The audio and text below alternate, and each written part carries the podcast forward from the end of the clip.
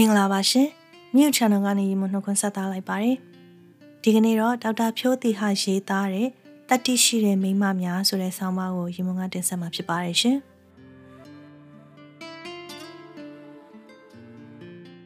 ညစာအတူစားပြီးချစ်သူကိုအိမ်ပြန်ပို့ပေးနေတဲ့အချိန်ရုတ်တရက်ကြီးမိုးကအရမ်းရွာလာတယ်မိုးရီရွာလာတော့မှပဲပြက်နေတဲ့ဝိုက်ပါကိုပြင်ဖို့တတိရတော့တယ် လောလောဆယ်တော့မောင်းမရတဲ့အစုံလမ်းဘေးမှာပဲကားခဏရပ်ထားပြီးမိုးတိတ်ကိုစောင့်နေလိုက်ကြတယ်။ချမ်းလေးချမ်းကြောက်လေးကြောက်နေရှာတဲ့ချစ်သူကောင်မလေးကိုသူ့အပေါ်အင်ကြီးလေးချွတ်ပြီးခြုံပေးလိုက်တော့ကောင်မလေးကသူ့ရင်ခွင်နဲ့နှီးကြလာတယ်။ဒီလမ်းလေးတွေကို10မိနစ်လောက်မှတစ်ခါဝင်လာကြတဲ့ကားတွေရဲ့မီးအောင်အောက်မှာသူ့ချစ်သူရဲ့မျက်နှာလေးကမြင်ဖို့သမျှအလှဆုံးဖြစ်နေတယ်။ တယောက်ကိုတယောက်ကျင်နာစွာစိုက်ကြည့်နေကြရင်မိုးရေတွေကသူတို့နှစ်ယောက်ရဲ့ထင်းချုံမှုတွေကိုတဖြည်းဖြည်းချင်းတိုက်စားသွားခဲ့တော့တယ်။အဲ့ဒီနေရာဆလို့ကောင်လေးကခြေလမ်းတွေပြက်လာတယ်။ကောင်မလေးအပေါ်မှာထားတဲ့သူ့စိတ်တွေပြောင်းလဲလာတယ်။အရင်လိုဂယုတဆိုင်မရှိတော့ဘူး။ဟိုကောင်မလေးဒီကောင်မလေးတွေနဲ့တည်င်းတွေထွက်လာတယ်။ကောင်မလေးခမညာမှာတော့ဒါတွေကိုတိတိနဲ့မျက်စိမိတ်ထားပြီးရင် ကောင်လေးဘက်ကလက်ထက်ခွင့်တောင်းလာမယ်နည်းကိုမျှော်တလင်းလင်းနဲ့စောင့်နေရရှာတယ်။သူကရှုပ်တက်ပွေတဲ့သူမှအစာတွေကတိထားနေတယ်။ကိုနဲ့ချစ်သူဖြစ်နေတဲ့ကာလာတစ်လျှောက်မှာလည်းညီမနေခဲ့ဘူးဆိုတာကိုသိထားတယ်။ဒါနဲ့တော့တခါချန်ခုံမှုတဲ့နွားဟာနောက်တစ်ခါလဲကျင်းတီချန်ခုံဦးမှာပဲလို့ယတိပြတ်ပြောမရဘူးဆိုတဲ့စင်ကြီးကိုကိုကိုကိုပေးရင်သူနဲ့တဘဝလုံးလက်တွဲဖို့ဆုံးဖြတ်ခဲ့မိတယ်။အိမ်တော်တဲ့ဘဝအစပိုင်းတော့ပြောစရာကောင်းခဲ့ပေမဲ့ ကိုဝင်ရှိလာတဲ့အချိန်အစားလို့သူ့ရဲ့အရင်ပုံစံဟောင်းကပြန်ပေါ်လာခဲ့တယ်။ပြဿနာတွေဖြစ်တဲ့လမ်းခွဲဖို့စဉ်းစားတယ်။ဒါပေမဲ့မွေးမလာသေးတဲ့ကလေးမျက်နှာရှိလာတယ်။မိသားစုကလည်းငငယ်ရွယ်ရွယ်နဲ့တခုလည်းဘဝမရောက်စေချင်ကြဘူး။ပတ်ဝန်းကျင်ဟာကဲ့ရဲ့ကြလိမ့်မယ်အထင်သေးကြလိမ့်မယ်တဲ့။အဲ့ဒါနဲ့ပဲအဲ့ဒီအမျိုးသမီးလေးဟာကိုယ့်ကိုမချစ်တော့တဲ့သူကိုယ့်အပေါ်သစ္စာမရှိတဲ့သူနဲ့ဆက်ပြီးပေါင်းသိမ်းရဖို့ဖြစ်လာတော့တယ်။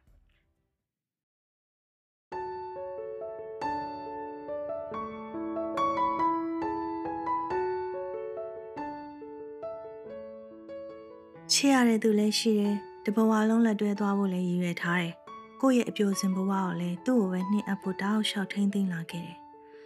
ဒါပေမဲ့ထင်မှတ်မထားတဲ့ကျမစိုးကမဖိတ်ခေါ်ပဲနဲ့ရောက်လာတယ်တည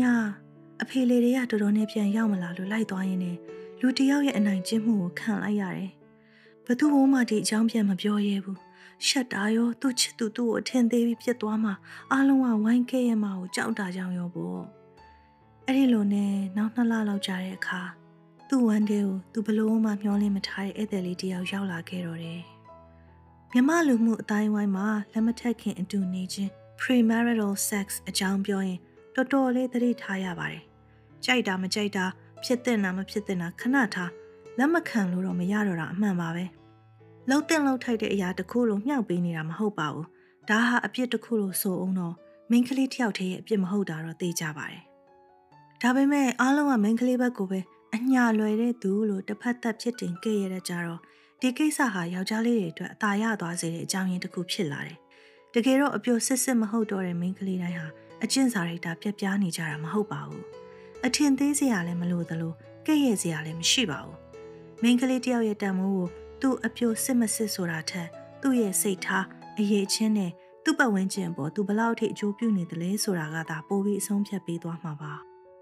အိမ်အောင်တစ်ခုဟာထူထောင်ပြီးရင်မပြိုကွဲတင်တာတော့အမှန်ပါဒီလိုပြဿနာတွေဟာကလေးတွေရဲ့စိတ်ပိုင်းဆိုင်ရာပေါ်မှာလည်းအနည်းနဲ့အများတော့တက်ရောက်မှုရှိပါတယ်ဒါကြောင့်အိမ်အောင်ရေးကိုအချစ်တစ်ခုတည်းနဲ့တော့လွယ်လွယ်မဆုံးဖြတ်ကြစေချင်ဘူးဒါပေမဲ့လည်းမဖြစ်မနေလမ်းခွဲဖို့လိုလာပြီးလမ်းခွဲခြင်းကသာအားလုံးအတွက်အကောင်းဆုံးဖြစ်လာမှာဆိုရင်တော့ပြက်ပြက်တသားဆုံးဖြတ်ရမှာပါပဲအဲ့ဒီလိုအိမ်အောင်ပြတ်သွားတဲ့အမျိုးသမီးတယောက်ဟာအထင်သေးစရာတစမ်းမှမရှိပါဘူး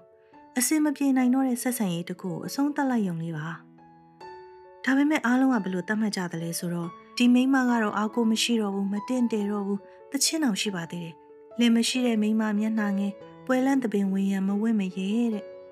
အတ္တမပြုချင်းခံလိုက်ရတဲ့မိန်းကလေးတယောက်မှာဘာများအပြစ်ရှိပါသလဲယောက်ျားတယောက်ရဲ့ခွန်အားသုံးအနိုင်ကျင့်ခြင်းကိုခံလိုက်ရယုံတတ်တတ်ပါဒါပေမဲ့ကျွန်တော်တို့တွေကအဖြစ်တင်တတ်ကြပါတယ်သူကဒီနေရာအဖို့မပါပဲသွားတာကိုဒီလိုဝက်စားသွားတာကိုစသဖြင့်ပေါ့ အဲ့ဒီလိုအနိုင်ပြုခြင်းခံထားရတဲ့မိန်းကလေးမျိုးကိုဘယ်မိဘကမှလည်းသူတို့သားနဲ့မပေးစားခြင်းတလို့ယောက်ျားတွေကလည်းဒီလိုမိန်းကလေးမျိုးဆိုရင်လက်ထပ်ဖို့နောက်တွန့်သွားရကြတယ်အဆိုးဆုံးကတော့ဒီမိန်းကလေးကိုယောက်ျားတွေဟာအထင်တသေးနဲ့နောက်ကျပြောင်ကျရေးသေးသေးပြောကြလောက်ကုန်ကြတာပါပဲအဲ့ဒီအခါမိန်းကလေးတွေကသူတို့ကိစ္စကိုဘသူကိုမှဖွင့်ဟမပြောရဲကြတော့ဘူးဒီတော့လိုအပ်တဲ့ကျန်းမာရေးစောင့်ရှောက်မှုတွေမခံယူနိုင်ကြတော့ဘူးနောက်ဆုံးကြတော့မလိုချင်မဲနဲ့ကိုဝင်ရကြတဲ့ ဖြတ်ချရင်းနဲ့ပိုးတွေဝင်ပြီးမသေးသင့်ပဲသေဆုံးကြရတယ်ဒါတွေဟာဘာကြောင့်လဲဆိုတော့ကျွန်တော်တို့တွေဟာအဖြစ်အပျက်တစ်ခုကိုချင်းကပ်တဲ့နေရာမှာအဖြစ်ရှိခြင်းမရှိခြင်းဆိုတာထက်မိန်းကလေးဖြစ်ခြင်းဆိုတဲ့အချက်ပေါ်အဓိကမူတည်ပြီးအဆုံးဖြတ်ပေးနေလို့ပါပဲအဲ့ဒါကိုပဲကြားမခွဲခြားဆက်ဆံခြင်း gender discrimination လို့ခေါ်ကြတာပါကျွန်တော်တို့အားလုံးအဲ့ဒီအမြင်တွေကိုပြောင်းလဲပြစ်ကြဖို့လိုအပ်ပါတယ်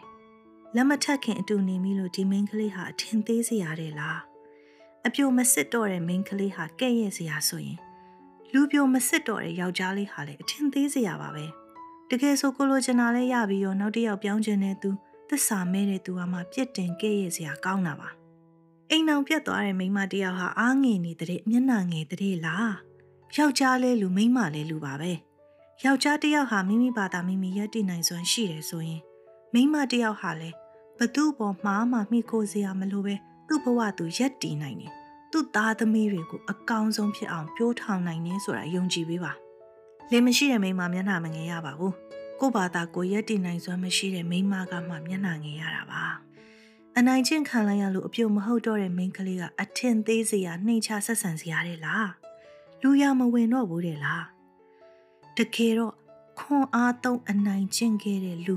ကိုလုတ်ပြီးတာဝန်မယူရဲတဲ့လူ အောက်တန်းကျတဲ့အလုပ်တစ်ခုကိုလုပ်ခဲ့တဲ့လူကမှ လူရမသွင်းတဲ့နေသူပါမင်းကလေးတွေကိုလည်းပြောပြရစီကိုငငယ်ကလေးကပုံသွင်းခံခဲ့ရတယ်လို့မင်းကလေးဆိုတာအားနှွေတယ်တတိမရှိဘူးဥမဆောင်နိုင်ဘူးဘုံကံမရှိဘူးစတဲ့ပုံစံကွက်တွေတဲကနေယုံထွက်ကြဖို့လိုပါတယ်ဘတ်စကားပေါ်မှာအားနှွေတဲ့မိမသားဆိုပြီးထိုင်ကုန်နေရပေးတာမလို့ချင်ပါနဲ့ဘတ်စကားပေါ်မှာညှတာစရာဖြစ်နေခဲ့တဲ့ကိုရီဟာအမောင်တဲရောက်တဲ့အခါ လူသူကင်းဝေးတဲ့နေရာရောက်တဲ့အခါဆိုရင်တော့အနိုင်ကျင့်စရာအဖြစ်ပြောင်းလဲရှုမြင်ခံကြရမယ်ဆိုတာကိုသဘောပေါက်ထားပေးပါလင်းယောက်ျားရဲ့ဆွန့်ပြတ်မှုကိုခံခဲ့ရပြီးမုံဆိုးမတပိုင်းလိုတောင်ပြောလို့ရတဲ့မိန်းမတစ်ယောက်ကအပင်ပန်းဆင်းရဲမျိုးစုံကိုအန်တုရင်ပြုစုပြောထောင်လိုက်တာမိုးလေဝသပညာရှင်ဦးထွန်းလွင်ရဲ့လို့ဖြစ်လာပါတယ်ကမ္ဘာပေါ်မှာဩဇာအကြီးဆုံးမျိုးသမီးတွေကတယောက်ဖြစ်တဲ့ Oprah Winfrey ဟာ ငယ်စဉ်ကအဓမ္မပြုခြင်းမှုနှစ်ကြိမ်တိုင်တိုင်ခံစားခဲ့ရပူပါတယ်ဒီလိုအခြေအနေတွေကနေဒီမျိုးသမီးတွေဘလို့များရုန်းကန်လာခဲ့ကြသလဲတခွန်းနဲ့ဖြေရရင်တော့အဲ့ဒါဟာလောကကိုအန်တုရဲတဲ့တတ္တိကြောင့်ပဲဖြစ်ပါတယ်လောကမှာဖြစ်ခဲ့ပြီးသမျှအပြောင်းလဲတွေအားလုံးဟာတတ္တိရှိတဲ့သူတွေကနေအစပြုတ်ခဲ့တာကြီးပဲဖြစ်ပါတယ်တိုက်ရဲခိုက်ရဲထောင်ကြခံရဲမှာတတ္တိမဟုတ်ပါဘူး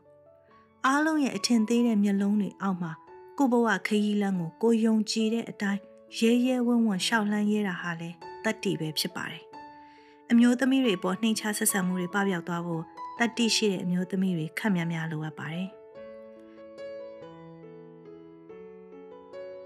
ဒါကတော့ဒေါက်တာဖြိုးတိဟရေးသားတဲ့တတ္တိရှိတဲ့မိမများဆိုတဲ့ဆောင်းပါးကိုရီမွန်ကတင်ဆက်ခဲ့တာဖြစ်ပါတယ်ရှင်။နှစ်သက်တယ်ဆိုရင်မိယူ channel ကို like, share နဲ့ subscribe လုပ်ပေးဖို့ဖိတ်ခေါ်ပါရရှင်။ နားဆင်အားပေးတဲ့အတွက်အားလုံးကိုကျေးဇူးတင်ပါတယ်။